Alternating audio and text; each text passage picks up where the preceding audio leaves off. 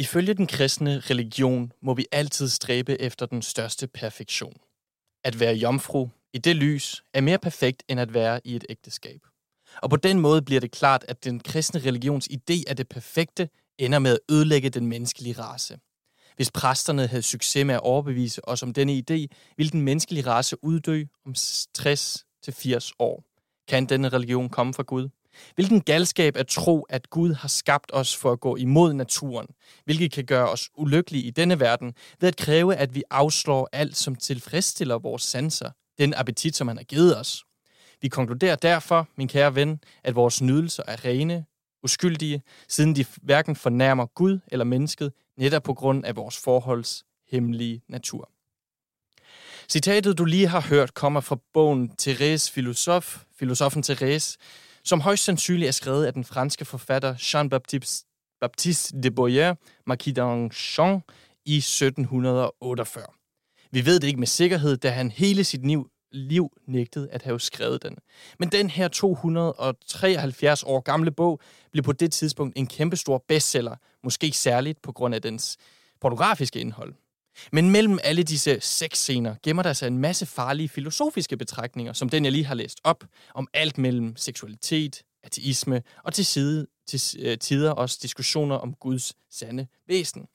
Når man læser bogen, bliver man ret overrasket over, hvor langt forud for sin tid den kan virke. Altså for eksempel med de her diskussioner om blandt andet undertrykt kvindeligt begær, om dildoer, homoseksualitet og en sexpositivisme.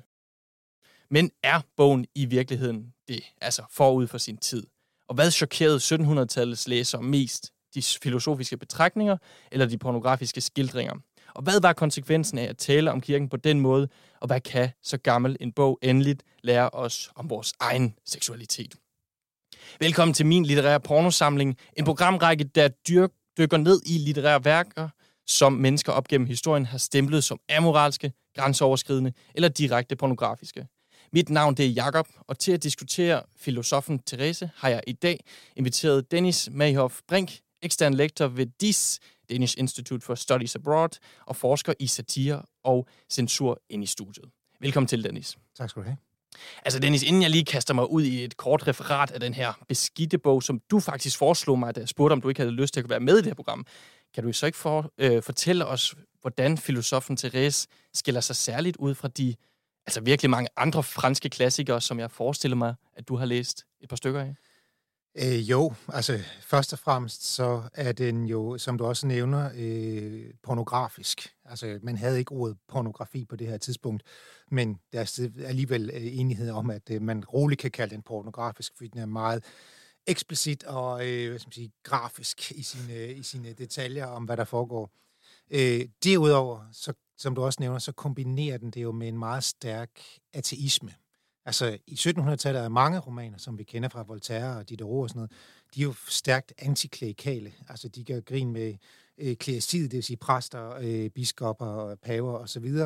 Øh, men denne her går ligesom skridtet videre, fordi den er eksplicit øh, ateistisk. Altså, den stiller spørgsmålstegn ved, om religion ikke bare er et fupnummer, øh, som indgyder folk frygt, og som nogle bedrager har opfundet for at udnytte folk.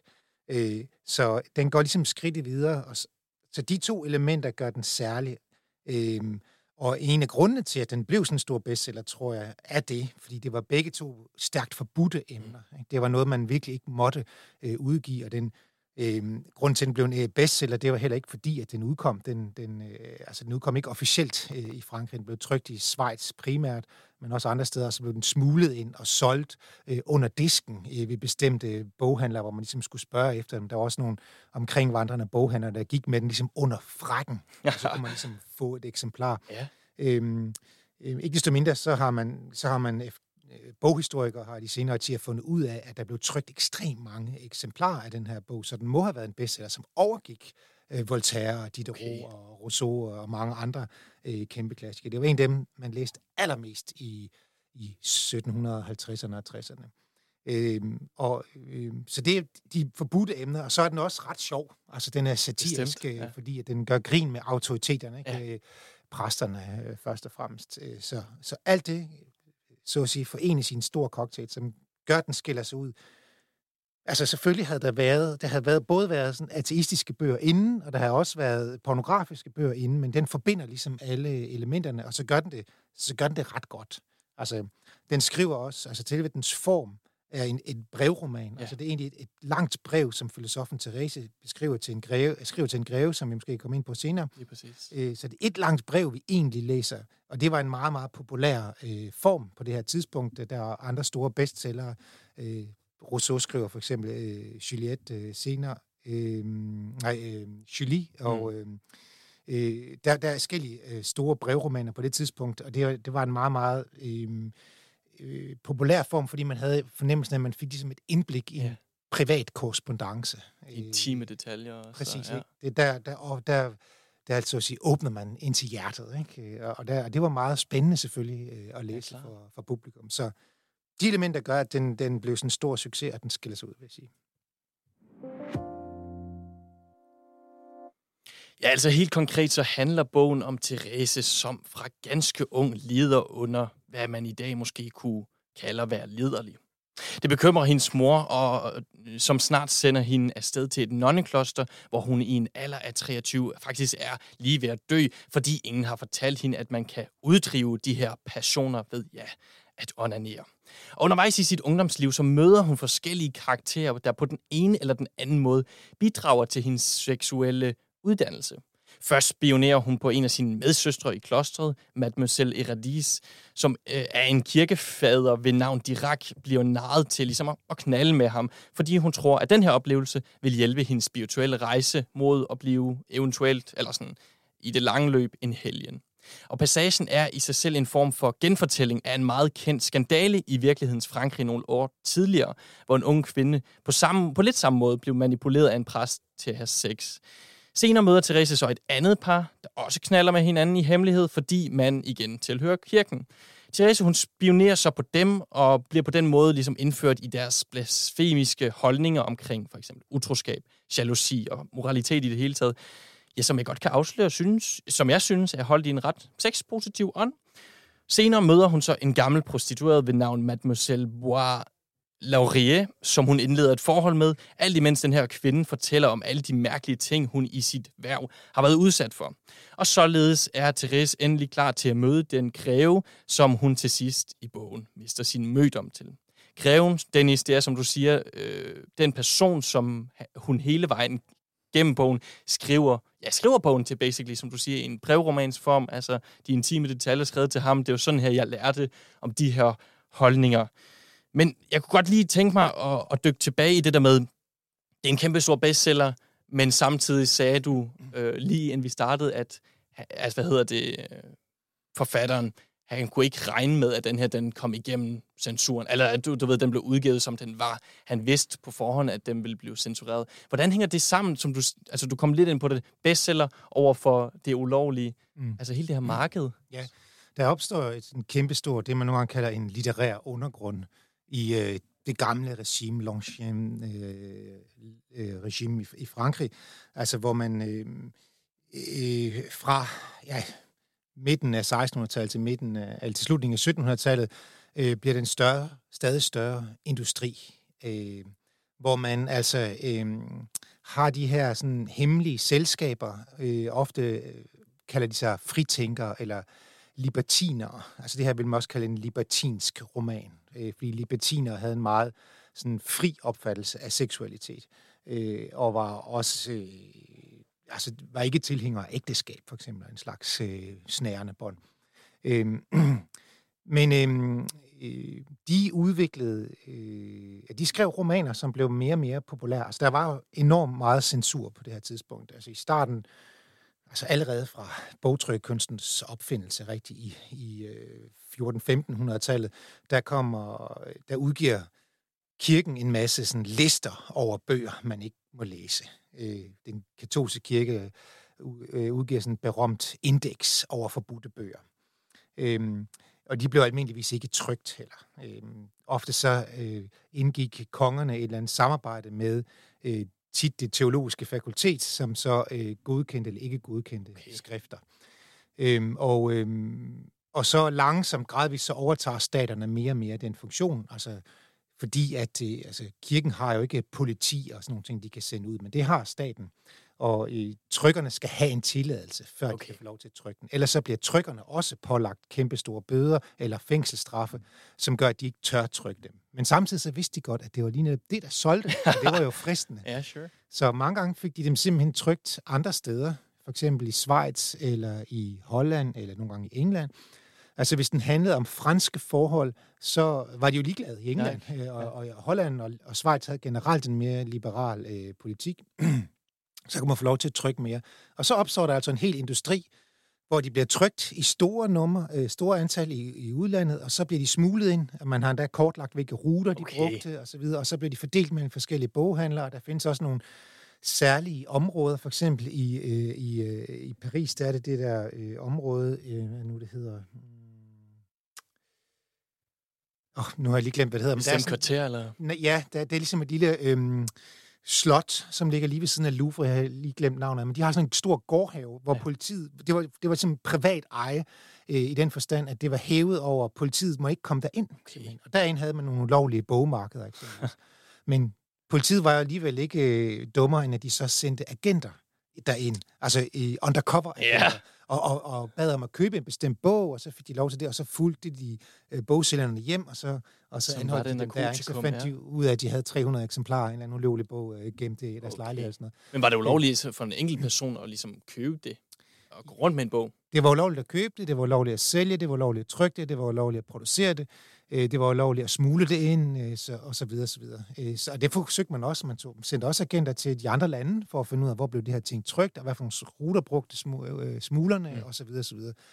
Men ikke desto mindre, så kunne de ikke følge med, så at sige. Ikke? Altså, der blev smuglet så meget ind, at selvom der blev taget noget hister her, så, så oversvømmede det simpelthen okay. markedet med, ja. med de her øh, hvad skal man sige, øh, pikante ja. øh, bøger som, som, som du netop siger, er meget seksuelt øh, eksplicit. Men hvem er læserne så? Altså, er det kun rige mænd på det tidspunkt, som får lov til, eller kan læse og har penge til at opsøge de her ulovlige markeder? Eller kommer det ud til sådan meget mainstream? Skal man forstå det som en meget mainstream fænomen? Ja, det skal man faktisk. Altså blandt dem, der kan læse. Ja. Øh, og det var primært mænd, og det var primært folk fra i byerne og fra overklassen og op efter. Altså man har ikke sådan helt præcise tal, øh, men de fleste mener, at omkring 30 procent, måske lidt mere, øh, kunne læse, og, og der var der færre på landet og flere i byerne. Øhm, det var primært mænd, men der var også en del kvinder, øh, der kunne læse her. Og, og, og, og bøger på det her tidspunkt er ikke sådan sindssygt dyr vare, okay. så, så mellemklassen kan også godt ja. Det er ikke kun for overklassen.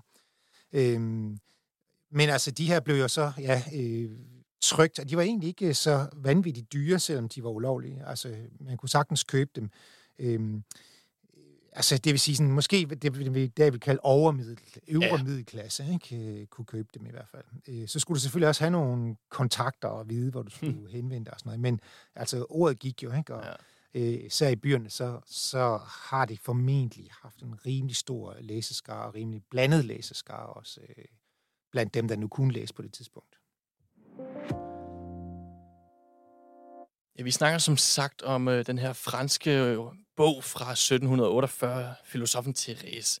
Og Dennis, jeg kunne godt tænke mig at starte med at lægge ud og dykke lidt ned i det her, altså selve det pornografiske, for ligesom at diskutere, altså hvor pro- provokerende og fragt er de her passager egentlig. Og i min optik er en af de mest spicy scener, da læserne bliver fortalt den her historie om Dirac og Eradis, som jo baserer sig på en virkelig skandale, øh, som skete i Frankrig omkring 20 år inden bogens udgivelse, men inden jeg læser ja. højt, kan du så ikke lige give dit bud på, hvorfor forfatteren har ligesom en interesse i at genopleve sådan meget kendt øh, skandale eller samtale i det øh, franske liv?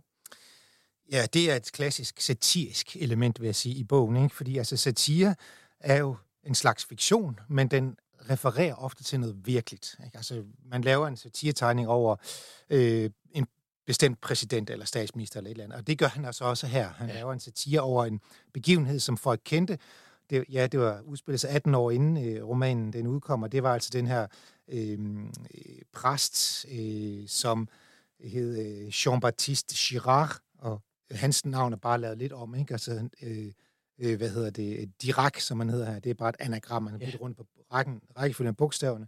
Øhm, så alle enhver kunne genkende, det var ham, og den anden, hun hedder Cardier, og det er så blevet lavet om til Eraditze. Øhm, men Girard der, han blev altså anklaget og dømt for at have forført den her unge kvinde i øhm, den her lille boks, man går ind i for at øh, bekende.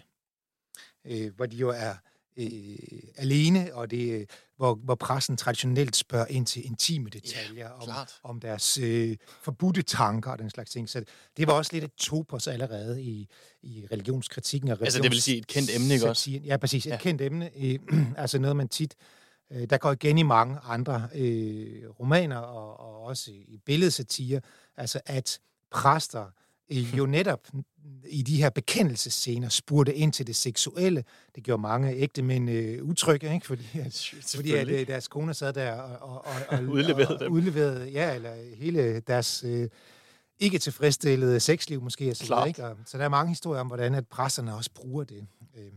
Og det, det spiller han så på, øh, og så øh, handler historien sådan, i den her version om, at øh, altså, øh, Dirac er en jesuit, det vil sige, det er en slags øh, katolog. Han er en, jesuiter er, er øh, katolikker, faktisk er vores nuværende pave, øh, jesuit, den første jesuitiske pave.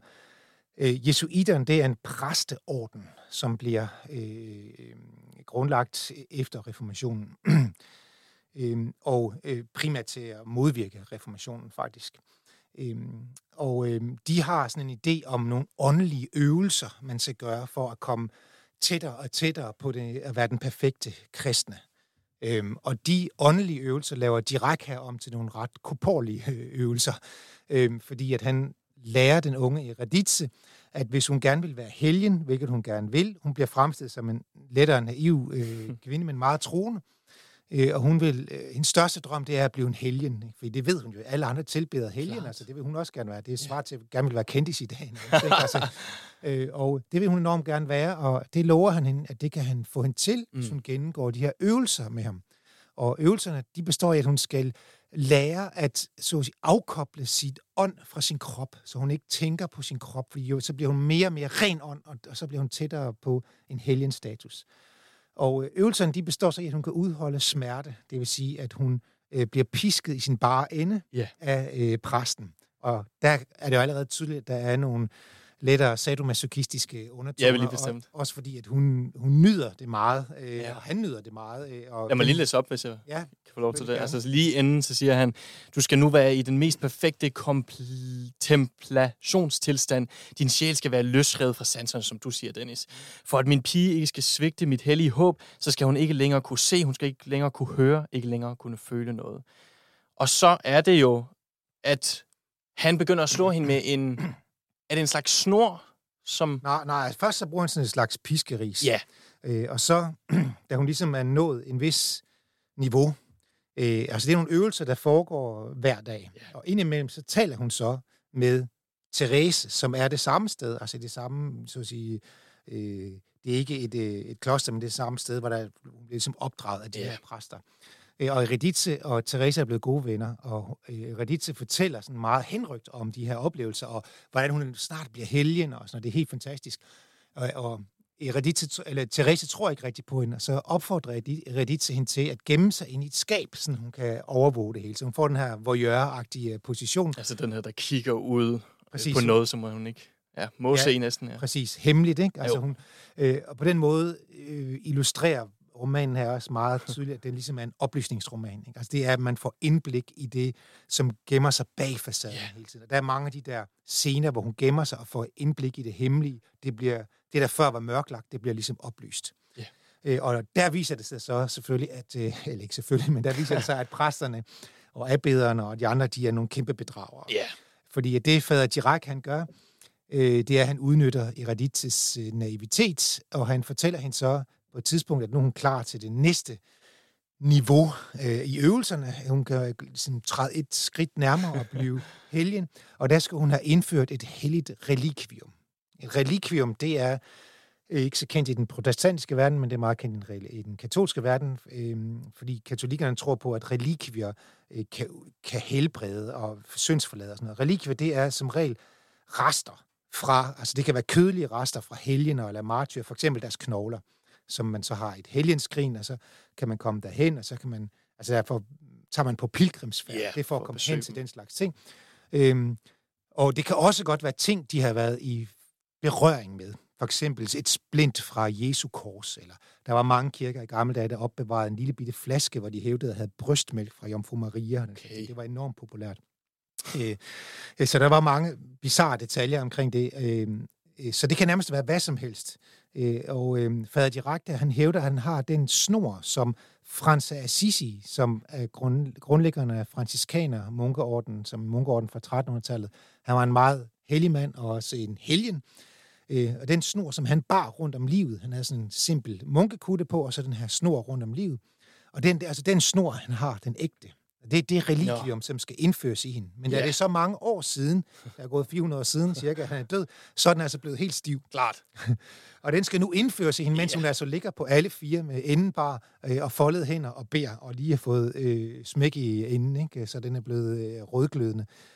Øhm, og så skal han altså indføre det her religium i hende, og, og det henfører hende i en tilstand af ekstase, hvor hun siger, åh, åh, jeg kommer tættere og tættere på lyset, og den slags Det er præcis. Det læser jeg lige op nu, ja, for det er fantastisk. Ja, ja. Han øh, er gået i gang med at penetrere hende på det her tidspunkt, siger, at dit sind glad, min lille helgen, øh, sagde han og udstøtte et slags suk. Mig, jeg ser himles, himlen åbnes. Guddommelig noget bærer mig. Jeg... Og så tager hun over. Åh, fader, råbte Eradice. Hvilken nydelse driver mig? Ja, jeg nyder himmelsk lyksalighed. Jeg føler, at mit sind er fuldstændig løsredet fra materiet. Uddriv, fader. Uddriv alt, hvad der er urent i mig. Jeg ser englene. Skub længere frem. Skub så. Åh, åh, ja, Sankt Frans. Forlad mig ikke. Jeg mærker snor, snor, snoren. Jeg kan ikke holde det ud. Jeg dør. Det fede ved det her er også, altså når man ser det i bogen, så er det, altså, ordene er delt op i sådan tre ja, punkter, ja, ikke også? Ja. Det er en ret cool detalje på en eller anden ja, måde, hvor han prøver... Ja. Ja, hun kan knap nok sige det, Nej. Ikke? Altså, fordi hun stønner øh, højlydt øh, indimellem. Ikke? Øh, råber, åh, Frans, altså Francesco Frans de Assisi. Ja. ja, præcis, ja, ja. Ja, for det er hans snor, ikke? Så, som er inde i hende, som ikke må forlade hende, og så videre. Og det er den, altså, vi ved ikke rigtigt, hvordan hun egentlig oplever det. Nej. Altså, selvfølgelig ved vi, at hun får en eller anden form for ekstatisk oplevelse, Øhm, og måske er hun virkelig så naiv, at hun tror, det er en øh, rent åndelig ekstase, hun oplever. Det er i hvert fald sådan, det er det, der fremsteder. Han ved udmærket godt, hvad det er. Yeah. Øh, og hvis man var i tvivl, så var øh, lige præcis den her scene, blandt mange andre, faktisk illustreret i den oprindelige okay. udgave. Øh, der var lavet tegninger til, øh, hvor, man, hvor man kan se han, altså hans blottede lem og hendes blottede bagdel, og at han... Øh, Hun er bukket ned over... Præcis, ja. ja. Han, der er jo også den detalje, at han overvejer, om han skal tage den kanoniske vej, eller den ikke-kanoniske vej. altså, så betyder... Siger, almindelig sex eller anal sex. Nå, ja, altså, sure. øh, kanoniske vej, det er den, det er den, den almindelige vej, ikke? Og yeah. det er almindelig øh, sex, og det, det er så den, han vælger. Øh, og som bringer øh, dem begge to til den her, øh, ja, til orgasme. Ja. Han, ikke? Men igen, det lyder jo lidt som en slags, øh, hvad kan man sige, sweet talk med hans egne pseudo-religiøse argumenter. Altså, er det, det er vel en altså, direkte satire over den katolske kirke? Eller hvordan skal man læse det her? Altså, øh, den, den bruger et meget, meget klassisk greb inden for satire, nemlig at den viser præstebedraget. Altså, at præsten siger et, men gør noget andet. Ikke? Altså, han foregiver at være den gode fader. Øhm, han bruger, misbruger den der fadermagt. Ikke? Altså, I mange lande kalder man det jo en, en fader, en præst, altså en pater. Øh, også i visse katolske lande, eller visse protestantiske lande, øh, og i alle katolske lande. Og det er også det, hun gør her. Øh, det er ham, der skal øh, ligesom opdrage hende, ikke? Og, og lede hende til, til frelse i, ja, i sidste instans, men i første omgang til at blive helgen. Øh, og, og den magt misbruger han. Og det er meget klassisk, at den angiveligt gode fader her bliver vist som en ond skurk, der er ude på at tilfredsstille sine ja. egne lyster. Øh, og det er også ret komisk. Ikke? Altså, man kan næsten ikke læse det her uden at, uden at grine. Og kirken var generelt øh, fuldstændig allergisk over for den her slags fremstillinger. Okay. Øh, mange gange, altså man har kendt dem i, i 100 år i hvert fald på det her tidspunkt. Øh, øh, altså Molière gjorde det for eksempel 100 år tidligere i, i den øh, komedie, der hedder Tartuffe. Ja. Øh, men, øh, og, og den måde satirikerne, eller forfatterne generelt forsvarede sig på, altså øh, Marquis d'Argent her, som formentlig har skrevet den, han har ikke forsvaret sig, fordi man vidste ikke engang med sikkerhed, at det med sikkerhed var ham. Nej. Men Molière for eksempel, og alle mulige andre, har gjort det gennem 100 år. Og de forsvarer sig som regel med, at jeg udstiller ikke kirken som sådan, Ej. eller alle præster, jeg udstiller bare den dårlige præst. Ikke? Okay. Og, og han, det er jo godt at komme af med ham. Ja. Han er jo en hyggelig. Han siger et og gør noget andet. Og, og dertil svarede kirken generelt, altså Ja, ja, det kan godt være, at du, kun ud, du, du vil det, men det du reelt gør, det er, at du så mistillid og mistro omkring præster generelt. Øh, og derfor så underminerer du hele kirken, og så underminerer du hele troen, og du baner vejen for alle menneskers fortabelse, fordi mm. så vil de ende i helvede. Ja. Det var basically argumentet. Så kirken censurerer? Ja, ja, samme grund, ja. Kirken censurerede det, ja, og, og, og staterne censurerede det også. Øhm, altså, ideen var sådan set lidt det, at altså, man, det er svært at tage fader Dirac i hvert fald lige så seriøst dagen efter, når du ligesom har set ham blottet på den yeah. der enorm korporlige og direkte. Man kan næsten ikke blive mere blottet. Nej, nej, nej. Og det er det, satiren hele tiden forsøger at gøre. Den, den så at sige, river masken af, den demaskerer øh, forræderne og viser deres sande øh, ansigt i hele dets groteske karakter. Øh, og det er også ret komisk, fordi du, ideen var jo, at du ligesom skulle se op til den her fader. Han skulle være som en faderfigur for dig, der ledte dig den rette vej. Altså, men efter du har set ham fremstillet sådan, så er det lidt svært at tage ham lige så alvorligt. Man vil have et skummelt skrin i ja, skægget, ikke? Jo. Og, og øhm, på den måde virkede det jo sådan meget øhm, anti-autoritært. Altså man hiver autoriteterne ned fra deres pedestaler og, og, og lærer sådan set lidt at se ned på dem. Ikke? Han er både en hyggelig en bedrager og lidt komisk type. Ikke? Altså, øh, og, øh, og hvorfor skulle jeg dog følge ham? Nej, klar. Altså, vejen til frelse går tydeligvis ikke hans vej. Altså, øh, den går kun til hans egen tilfredsstillelse. Så, så på den måde er det jo rigtigt nok øh, måske, at de faktisk øh, skabte sådan, eller spredte sådan en slags anti-autoritær øh, følelse hos, ja. øh, hos befolkningen. Og lige netop det var kongerne og staterne også bange for, fordi at hvis, de nu, hvis folk nu mistede respekten øh, over for de klerikale, de klerikale ja. Øh, autoriteter, så ville de jo gøre det for de statslige autoriteter, altså kongen næste efter. Ikke? Altså, så vil vi få den her øh, lidt for selvtænkende, yeah. lidt, for, lidt for frigjorte, lidt for frække øh, befolkning, og det var der ikke nogen, der var interesseret i. Altså, kongerne var lige så interesserede i at have nogle lydige øh, borgere, som kirken var interesseret i at have øh, lydige får, der, der blev i, i flokken. Efter at have fået en lille smagsprøve på de her øh, seks scener i øh, 1700-tals bestselleren Filosofen Therese, så skal vi også lige fokusere en lille smule på de passager, som findes imellem seks scenerne, altså de her filosofiske argumenter. Og der vil jeg gerne vende tilbage til det citat, jeg startede ud med at læse op for lytterne. For her hører vi jo, at kirkens hylds til for eksempel jomfrueligheden i yderste konsekvens ville slå menneskeheden ihjel, fordi ingen i så fald ville få børn. Altså, det er et meget rationelt argument, kørt næsten er et absurdum. Men det spiller vel på en meget virkelig tendens i den katolske kirke og vores sexsyn, måske stadigvæk i dag. Altså hele den her idé om jomfrueligheden som øh, noget helligt, altså, mm. som man kun kan besudle derfra. Og hvis jeg lige, undskyld, hvis jeg lige må gentage noget fra citatet, så siger øh, så står der i filosofen Therese, hvilken galskab at tro, at Gud har skabt os for at gå imod naturen, hvilket kan gøre os ulykkelige i denne verden, ved at kræve, at vi afslår alt, som tilfredsstiller vores sanser, altså den her appetit, som han har givet os. Vi konkluderer derfor, min kære ven, at vores nydelser er rene uskyldige, siden de fornærmer hverken Gud eller mennesket, netop på grund af vores forholds hemmelige natur. Altså den her præst siger vel, at vores nydelser, ja selvfølgelig er naturlige, men at det er vel en direkte angreb også mod kirken, fordi de står for den der institution, der har nogle andre regler. Hvad er det for en debat, der, der foregår her? Ja, altså det her det er også en øh, samtale, som Therese hun øh, overhører, mens hun gemmer sig.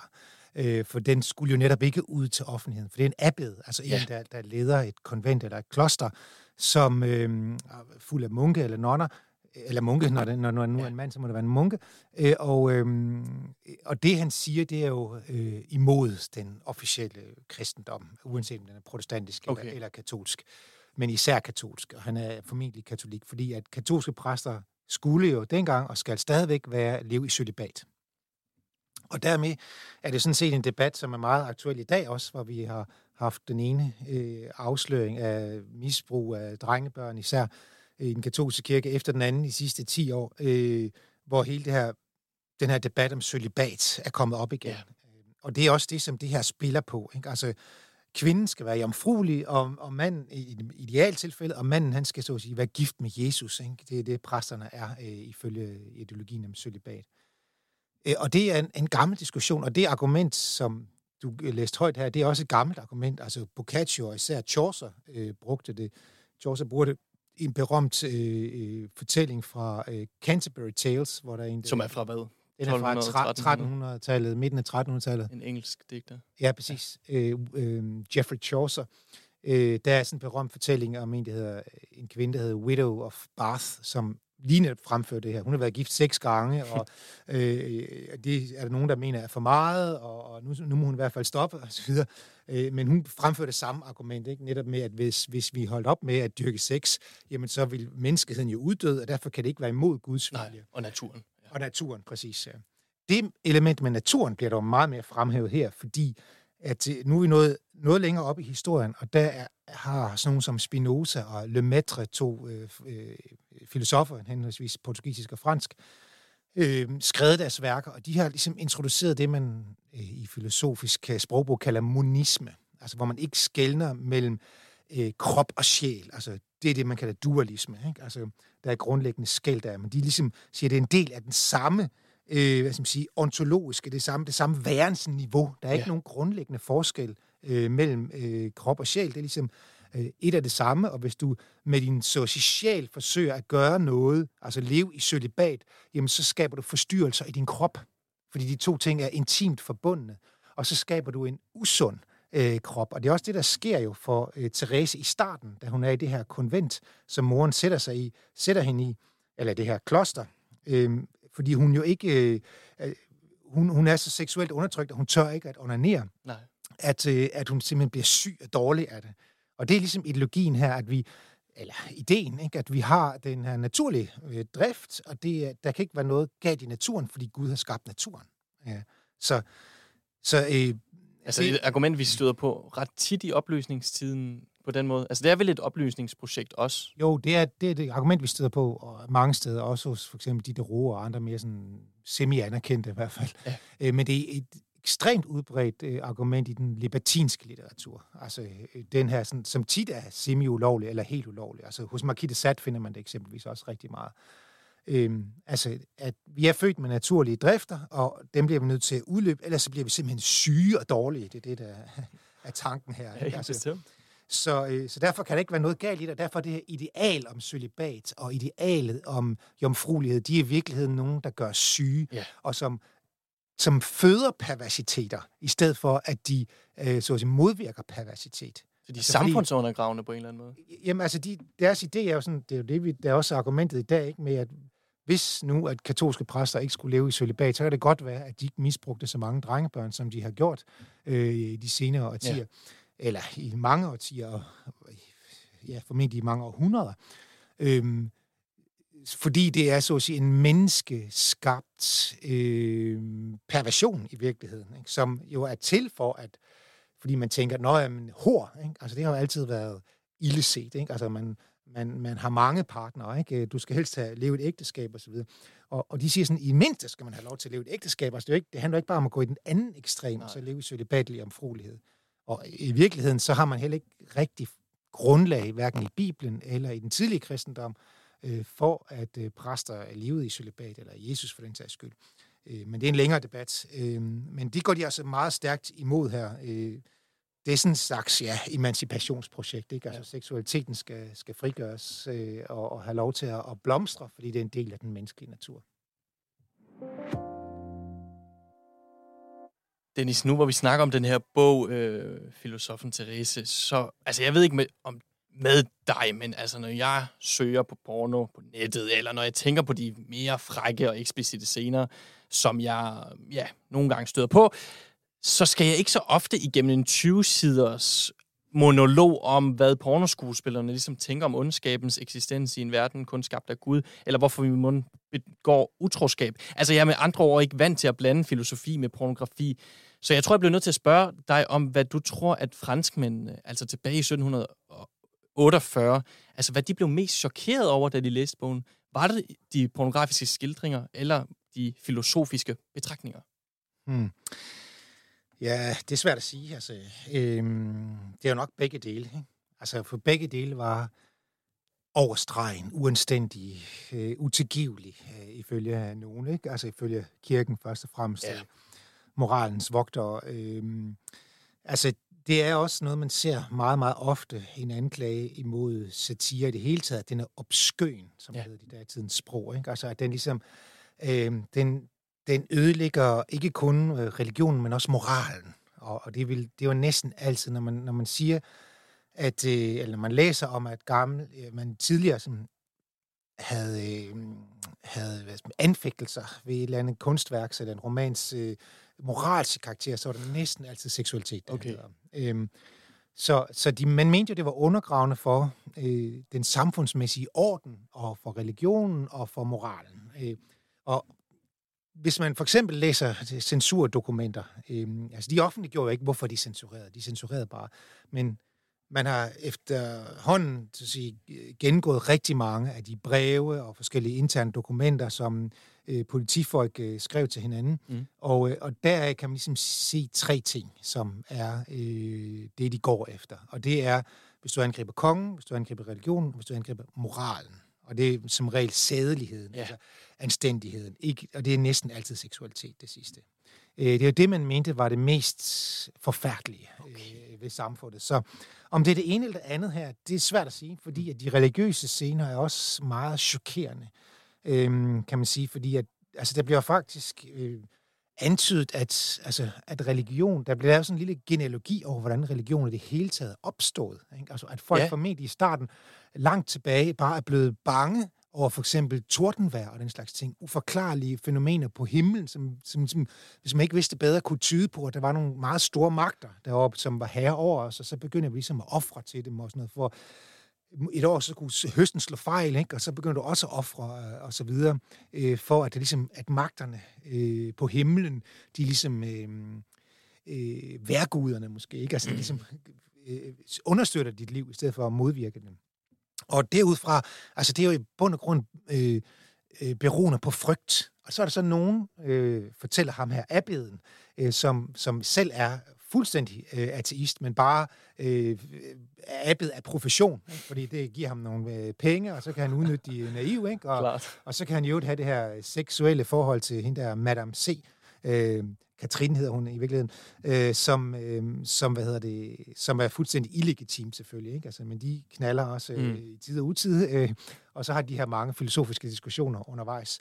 Øh, og det, øh, det ligger han fuldstændig åbent for hende. Ikke? Altså, han tror overhovedet ikke på religion. Det er Nej. noget, som nogen på et tidspunkt så finder ud af at udnytte folks frygt, og så kalder de sig sådan en slags præster, eller nogen, der ligesom taler på vegne af de højere guder, og så får de en magt over de andre, og så får de dem til at give dem almisser, og så videre, og så videre. Og det er egentlig det, jeg lever af i dag. Ikke? Altså, men religion, det er bare øh, pur opspind.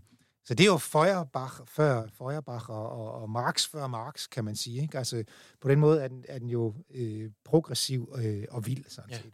Altså, Men samtidig er den også øh, en lille smule fjollet. Altså, ja. der er jo de her prutte-jokes og prutte-sex og, ja, som du siger, altså sådan en latterlig eksplicit grad Øh, og der er det, jeg begynder at tænke sådan, altså der er jo rigtig mange gode diskussioner om for eksempel undertrykt kvindelig begær, som hun ikke kan komme af med, som man måske mm. kunne ordinere for ligesom at komme af med på en eller anden måde. Mm. Men, og det er ligesom om, at, at hele tesen er, at hun blev uddannet i seksualitet. Men tror du, den er skrevet på den måde? Altså, fordi jeg har nogle gange svært ved at adskille det her lidt latterlige, øh, at man, du ved, gør nar af præster og så videre, fra en, og, og igen meget eksplicite, meget... Øh, ja, igen latterlige sexscener fra den her tanke om, at de skulle uddannes i seksualitet. Altså, skal man læse det som et oplysningsprojekt på seksualitetens område, eller er det... Altså, det kan selvfølgelig være begge dele, men tror du også er en, et element af det, at forfatteren vidderligt gerne vil uddanne mennesker i den her slags emner? Altså, det er svært at sige, fordi at, øh, hvad forfatteren egentlig ville, det kan vi, Klart. Aldrig, kan vi aldrig vide. Nej, og så slet ikke, når vi ikke engang ved, hvem der egentlig er forfatteren. Øh, og hvis vi gjorde, så kunne vi heller ikke. Men altså, det, som man kan læse ud af det, der står i romanen, der synes jeg, at den jo har en, som sige, den virker som om, den har en sådan en sokratisk, øh, didaktisk dagsorden egentlig. Altså, selve det, at vi følger en kvinde, som selv beskriver sin egen barnlige naivitet i starten, og så bliver hun selv mere og mere oplyst, fordi hun finder ud af, hvad der egentlig sker. Hun finder ud af, at det, hun er blevet fortalt i starten, det forholder sig ikke sådan. Nej, præcis. Og, og man bliver syg, hvis man holder op med at onanere, og præsterne, de bedrager i virkeligheden, og de tror ikke engang selv på Gud, og så videre. Øh, og, og hun bliver også mere og mere en, en tvivler selv. Og, og der skriver romanen også netop, at netop her begyndte hun at tænke selv. Ikke? Altså, at i de tids, på de tidspunkter, hvor tvivlen den bliver så undergravende for hendes tidligere tiltro til verden og til autoriteter, øh, der begynder hun at tænke selv, altså, når, når de ligesom falder ned fra deres pedestaler. Og det er det, som også er øh, det, der gør hende til filosof. Det er, at hun begynder at blive et, et, et, et selvtænkende øh, væsen. Så det tror jeg er... Øh, altså det ligger ligesom i øh, romanens opbygning og plot, øh, at, at den gerne vil det.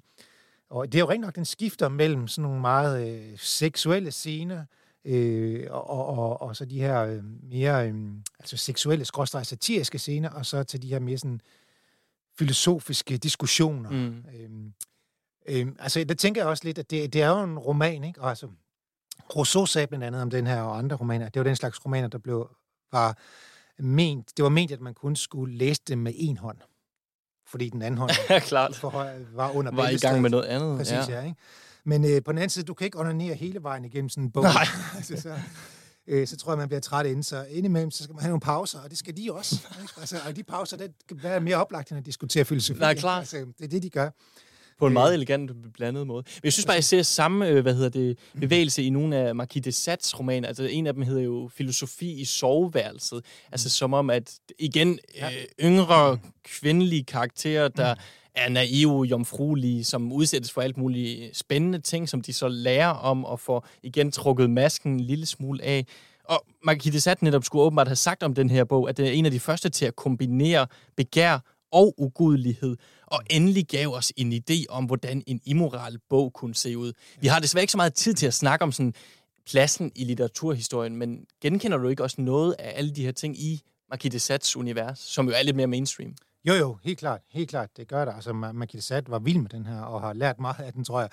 Øh, Dostojevski var også en stor læser af den i øvrigt. Okay. Og, øh, så, så der er mange, der har været, været inspireret af den, øh, på trods af den status som ja, immoral. Ikke? Øh, øh, så, så, så det er ingen tvivl om, at den, at den på en meget elegant måde ligesom, øh, for, forbinder de to emner, og det gør den jo, fordi at de begge to er øh, forbudte, og, og de handler... Den, den, vil, den vil også sige noget om sandhed. Ikke? Og sandhed, det forsøger den, den, den har jo det her klassisk satiriske motiv, hvor den siger, eller kritiske, kunne man ja. også kalde ikke, med at den blotlægger det hemmelige. Den, den, den, får, den offentliggør det, der sker i de fordægte baglokaler osv. Ikke? Altså, øh, det viser den ud i offentligheden, i, i at den offentliggør det i en bog, og dermed får vi et indblik i, hvordan virkelighed, verden i virkeligheden forholder sig. Det er det, den ligesom grundlæggende forsøger at gøre, både på seksualitetens område og på øh, religionens øh, område. Og, og når de kalder sig når Therese her bliver en filosof, så er det ikke sådan fagfilosof Nej. i moderne forstand, fordi den måde, man brugte ordet at være filosof i, i, i Frankrig, især på det her tidspunkt, det var mere som en slags fritænker, ja. en, der ligesom kunne tænke ud over det etablerede, og først og fremmest ud over religionen. De er næsten alle sammen øh, mere eller mindre, øh, øh, måske ikke ateistiske, men i hvert fald kirkekritiske. Ja. Og den her er klart ateistisk øh, i, i sin grundstruktur. Så, så de to ting hænger sammen fordi at seksualiteten var så sammenvævet med øh, religion, ikke? ideen om celibat, ideen om jomfruelighed og ideen om ægteskab, som der også gørs op med i mange andre øh, libertinske romaner. Dennis, her til sidst i min øh, litterære pornosamling, så kunne jeg godt tænke mig lidt at sammenligne 1700-tallets Frankrig med nutidens Danmark. Især i forhold til, hvem der kan sige at være mest øh, sexpositiv, løsslupende. Og det er selvfølgelig en lidt abstrakt diskussion. Det er måske lidt svært at sige, netop fordi jeg tænker ikke, forestiller mig ikke, at filosofen Therese ligesom udtrykker mainstream-holdninger om seksualitet i Frankrig, altså først og fremmest. Det er vel et, et smalt, eller sådan en grænsesøgende værk, kan man ja. vel sige. Ja. Og så i den øh, anledning, så vil jeg netop høre dig, fordi du læser jo rigtig, har læst rigtig, rigtig mange af de her øh, satiriske værker, som er blevet censureret op gennem århundrederne. Og jeg ved, at du også i kraft af din øh, væren ekspert i, ligesom i satire, har sagt, at det er, der findes lidt en udbredt fordom om, at i hvert fald den politiske satire er blevet grovere og grovere med årene, men at det faktisk ikke nødvendigvis forholder sig sådan. Og så mener jeg, at du et andet sted har sagt noget om, at vi i Vesten øh, er blevet mere intolerant over for satire. Altså også i kraft af for eksempel identitetspolitik, som er meget hurtige til at fordømme for eksempel satiretegninger som krænkende, stereotypiske, som hadtale eller mobning. Og der kunne jeg godt lidt på samme måde tænke mig at spørge dig, hvad du synes, ja, jeg ved ikke, om det bliver for, for bredt for dig, men om vores tid, vores generation i forhold til det, om vi er sexforskrækket eller mere puritane. Altså man snakker jo typisk om perioder, der følger hinanden, altså Victoria-tiden som en meget puritansk periode. Hvor er vi henne i forhold til 1700, midten af 1700-tallets Frankrig på den måde? Altså, der er vi nok mere frigjorte i virkeligheden. Ja. altså, eller, vi, altså, i hvert fald taler vi meget mere om seksualitet i dag, øh, end man gjorde dengang. Fordi det her, det var jo en del af en undergrundslitteratur. Selvom det blev en bestseller, så var det, var det ikke sådan, det foregik i offentligheden. Og altså, standarden var jo, at man skulle giftes. Øh, og, og hvis man ikke blev gift, så blev, kom man ofte som kvinde i et eller andet kloster. Øh, og det er jo ikke tilfældet i dag. Altså, øh, i dag har vi jo i kraft af ja, alt det, der er sket i mellemliggende periode, og især de sidste 100 år, øh, ret til at leve øh, et, øh, uden for ægteskab. Ikke? Og, og øh, flere og flere gør det, og, øh, og, øh, og, og altså, for bare 100 år siden, der var det jo illeset at blive skilt. Ikke? Altså, bare 50 år siden var det illeset at blive skilt, og det er det jo ikke i dag. Det bliver mere og mere normalt, hvis, hvis et ægteskab ikke kan fungere. Ikke? Og jeg tror, det 40-50 procent af alle ægteskaber, der faktisk bliver skilt. Ikke? Altså, og det er ikke et, et synderligt problem i dag. Øhm, så har vi også fået prævention og alle mulige andre ting, som gør, at det, at det er blevet mere frigjort. Men så ser altså, du som en lineær udvikling på det? Nej, det gør jeg ikke. Det, det, det bølger op og ned og frem og tilbage og går i alle mulige retninger. Altså, jeg ser det bestemt ikke som en lineær. Altså, det, og jeg, jeg ved slet ikke, om jeg er i stand til egentlig at tegne linjen øh, derfra Nej. og helt frem til i dag. Ikke? Altså, øh, Michel Foucault, den franske filosof, er også berømt for den her såkaldte repressionstese, ikke? at vi netop i viktorianismen ikke tør tale om det, ikke? Og, men, men faktum er, at vi taler om det hele tiden, ikke? så vi ikke, ah, ja, okay. der, der er ikke særlig meget repression i virkeligheden. Altså, vi, vi er blevet mere og mere optaget af, af seksualitet af hans øh, grundidé. Øhm, men hvis vi skal tage det, det, det sådan mere aktuelle, altså det her, hun ender jo med, Therese filosof, hun ja. ender med at leve sådan et liv, hvor hun, er, øh, hvor hun møder den her greve og, og, og lever sådan et frit liv, hvor hun er hans elskerinde, og han har betalt for hendes underhold. Hun lever ligesom sådan, som en fri kvinde, hun har sin egen øh, lille øh, gård, eller sådan en lille hussted, øh, og så er hun hans elskerinde, og de har et, et, et, et fremragende forhold, og det, men der er ikke noget med ægteskab, Nej, okay. øh, der er på tale der. Så, så på den måde er hun en provokation til ægteskabet også. Øh, den måde, den slutter på. på en ja, måde. præcis. Ja. Øh, men, og, øh, altså, på den måde, så kan man sige, at, øh, at men hun er helt klart undtagelsen i 1700-tallet. Ja. Hvis vi skal sige det i dag, så ja, altså, ja, det er svært at sige, altså, men måske er vi ved at blive lidt mere, altså hvis mere seksuelt forskrækket end, end... Altså, da jeg var ung, så var det jo helt almindeligt, at, øh, at kvinder var topløse på en strand, for eksempel. Og, og øh, der var også flere nudiststrande, bilder jeg mig ind. Ikke? Det var i hvert fald ja. sådan, jeg oplevede det som barn. Ikke? Altså, det, det var ikke øh, synderligt mærkeligt. Øhm, og øh, vi gik alle sammen øh, i bad med hinanden, da, da jeg var indtil 4. klasse, eller sådan noget, tror jeg, øh, i, i folkeskolen, ja. drenge og piger. Øh, og, øh, og derefter så gik vi alle sammen i bad efter, øh, efter gymnastik, og det hører jeg i dag, at det gør man sørger for at ligge gymnastiktimerne sidst på dagen, så folk kan gå hjem og tage bad selv og sådan noget. Ja. Det synes det, for, for mig og min generation, der, der er det underligt, synes mm. jeg. Altså, øh, og vi virker sådan lidt øh, kropsforskrækket. Altså, jeg skal ikke gøre mig altså, synderligt klog på det, men, men jeg, jeg forestiller mig nu, det handler, her handler om pornografi. øh, så er der nogen, der har komme med det argument, at jamen, pornografien øh, er netop med til det her, fordi folk er bange for, at de ikke har den perfekte krop og så videre. Øh. Og det undrer mig lidt, fordi at i, altså, pornografi er jo et meget mangfoldigt element, hvor der også er mange øh, ikke synderligt perfekte kroppe, øh, fordi at øh, der er folk med lyster til alting, han har sagt. Ikke? Man siger jo typisk, at hvis der er, altså hvis du har fantaseret om det, så findes der allerede en pornofilm for det et eller andet ja, sted. Ja, ja, ja, formentlig. Ikke? Altså, ja. Øhm, ja, undskyld. Og i, så, så jeg tænker måske mere, at hvis der, hvis der er angst fordi, for, at man ikke selv øh, ser optimal ud, så, så tænker jeg måske mere, at det er sådan en slags... Øh, modeblads... Øh, ja. øh, Idealisering. Ja, præcis. Ikke? Altså, uden at skulle gøre mig synderligt klog på det. Det er ikke noget, jeg forsker i, men, men, men sådan oplever jeg det øh, umiddelbart i hvert fald.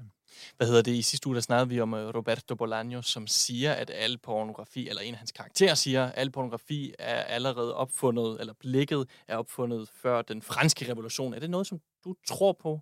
Altså sådan, teknikken ændrer sig, mm. måden og, hvad hedder det, ja, optage filmene på, men ikke det, der sker? Altså, tror du, vi har sådan en øh, eviggyldig række af seksuelle stillinger, som man bare gentager? Eller at der hører sine fetischer med til hver tid? Ja, altså, hvis man ser på den her roman, som jo er fra før den franske øh, revolution, ikke? og altså, andre ting, såsom masochisme og sadisme ja. og alt muligt andre øh, varianter, ikke? Øh, sex, den kanoniske vej, den ikke kanoniske vej, altså, øh, og, og så videre. Alle de ting, de er selvfølgelig opfundet, altså. Øh, det er klart. Altså, hmm, øh, hvis det er en del af den menneskelige natur, og den menneskelige natur er selvfølgelig eksperimenterende, ikke? Så, så det er ikke så underligt. Øh, men altså, jeg vil nok mene, øh, uden at jeg er ekspert i, i, i pornoens forskellige fremstillingsmåder, at der er opfundet alle mulige ting øh, siden da. Altså, jeg har gang været på en, en, en konference, hvor øh, en af de førende pornoeksperter i, i USA, han, han holdt et, et oplæg omkring, hvordan at man laver sådan nogle øh, øh, pornofilm over, øh, over store Hollywood-klassikere, og okay. så gør dem på sådan en ko- komisk måde. Ja. Øh, øh, ikke Saving Ryan Save it private, private Ryan, men, men say, shaving Ryan's privates yes. og den slags ting. Ikke? Altså, ja. og, så, og, så, og så har man sådan en komisk indledning, og så går det over i porno lige pludselig. Ikke? Altså sådan en opfindelse øh, må man nok klassificere som ny, tænker jeg, ikke? Og, og alle mulige andre, som, som jeg ikke lige har overblik over nu, men, øh, men altså, det er selvfølgelig klart nok, at nogle, mange af grundelementerne, stillingerne og ja. de forskellige hvad, som, afarter, eller perversioner, som man kaldte dem i gamle dage, øh, de findes vel også øh, langt tilbage, ikke? Men, men, men pornografi er jo også en fremstillingsmåde. Det er jo en form for teknik, øh, hvor man har en anden form for plot, eller, eller en, en eller anden. Det kan godt være, at plottet er meget minimalt nu, men der, der er jo sket alle mulige udviklinger. Jeg husker, jeg engang læste et, et essay af Umberto Eco, som handler om, hvordan man genkender en pornofilm. Okay. Og det handler om, øh, han siger, der er noget i retning af, hvis jeg ikke husker fejl, at, at man genkender en pornofilm ved, at den har sådan meget lange scener, hvor der er nogen, der kommer kørende i en bil, og i en almindelig film, så vil du se dem lige komme kørende kort, og så vil du klippe til der, hvor de, hvor, de, hvor de stiger ud af bilen. Men i pornofilm, der ser du dem køre hele den lange vej, fordi nu har de lejet den her La, fine, no. fine limousine, så skal de virkelig lige se den, ikke? Så ser du, det, det, det er sådan meget lange indledende scener. Og, og det passer måske meget godt på den tid, han skrev den, nemlig i porno, øh, filmpornografiens ungdom, eller sådan måske i 80'erne. Hvor der var større produktioner, længere produktioner. Ja. ja, sådan den slags, ikke? Og hvor man ikke sådan lige kunne, kunne, spole så nemt, som man kan på en computer, ikke? På sit VHS-bånd eller sådan nogle ting. Så, øh, så, øh, så på den måde tænker jeg, at der må være alle mulige varianter og forskellige fremstillingsformer, som har udviklet sig igennem tiden. Jeg skal lige høre her til sidst i forhold til filosofen Therese. Det var en bestseller tilbage i 1700-tallet, men i dag, hvad er status der? Altså, underviser man i den på universiteterne? Er den ved at blive glemt? Hvad kan man sige? Ja, altså, den, den var glemt i mange, mange år, øh, og, og så i det 20. århundrede, så er den ligesom blevet genopdaget, og det er primært, eller Øh, på, ja, det er primært på grund af forskellige boghistorikere, ja. især en, der hedder Robert Darnton, som har skrevet en fantastisk bog, som jeg kan anbefale, som hedder The Forbidden Bestsellers of Pre-Revolutionary France. Øhm, øh, og siden da er den blevet genopdaget, og altså, jeg har selv brugt den i min undervisning på universitetet. Øh, det er ikke noget, man gør så tit, øh, men jeg er formentlig ikke den eneste. Øhm, og altså, jeg tror, altså, det er jo en fremragende roman, og, og den er ganske lille, og den er hurtigt læst, og den, øh, det går over stok og sten, og, og, og den, er, den er på alle måder underholdende og interessant. Så det er svært, det. Den, den burde oversættes til dansk, efter min mening, øhm, og bliver det måske også en dag ved med. Dennis, tusind tak, fordi du kom forbi her i dag. Vi er tilbage næste uge med min litterære pornosamling.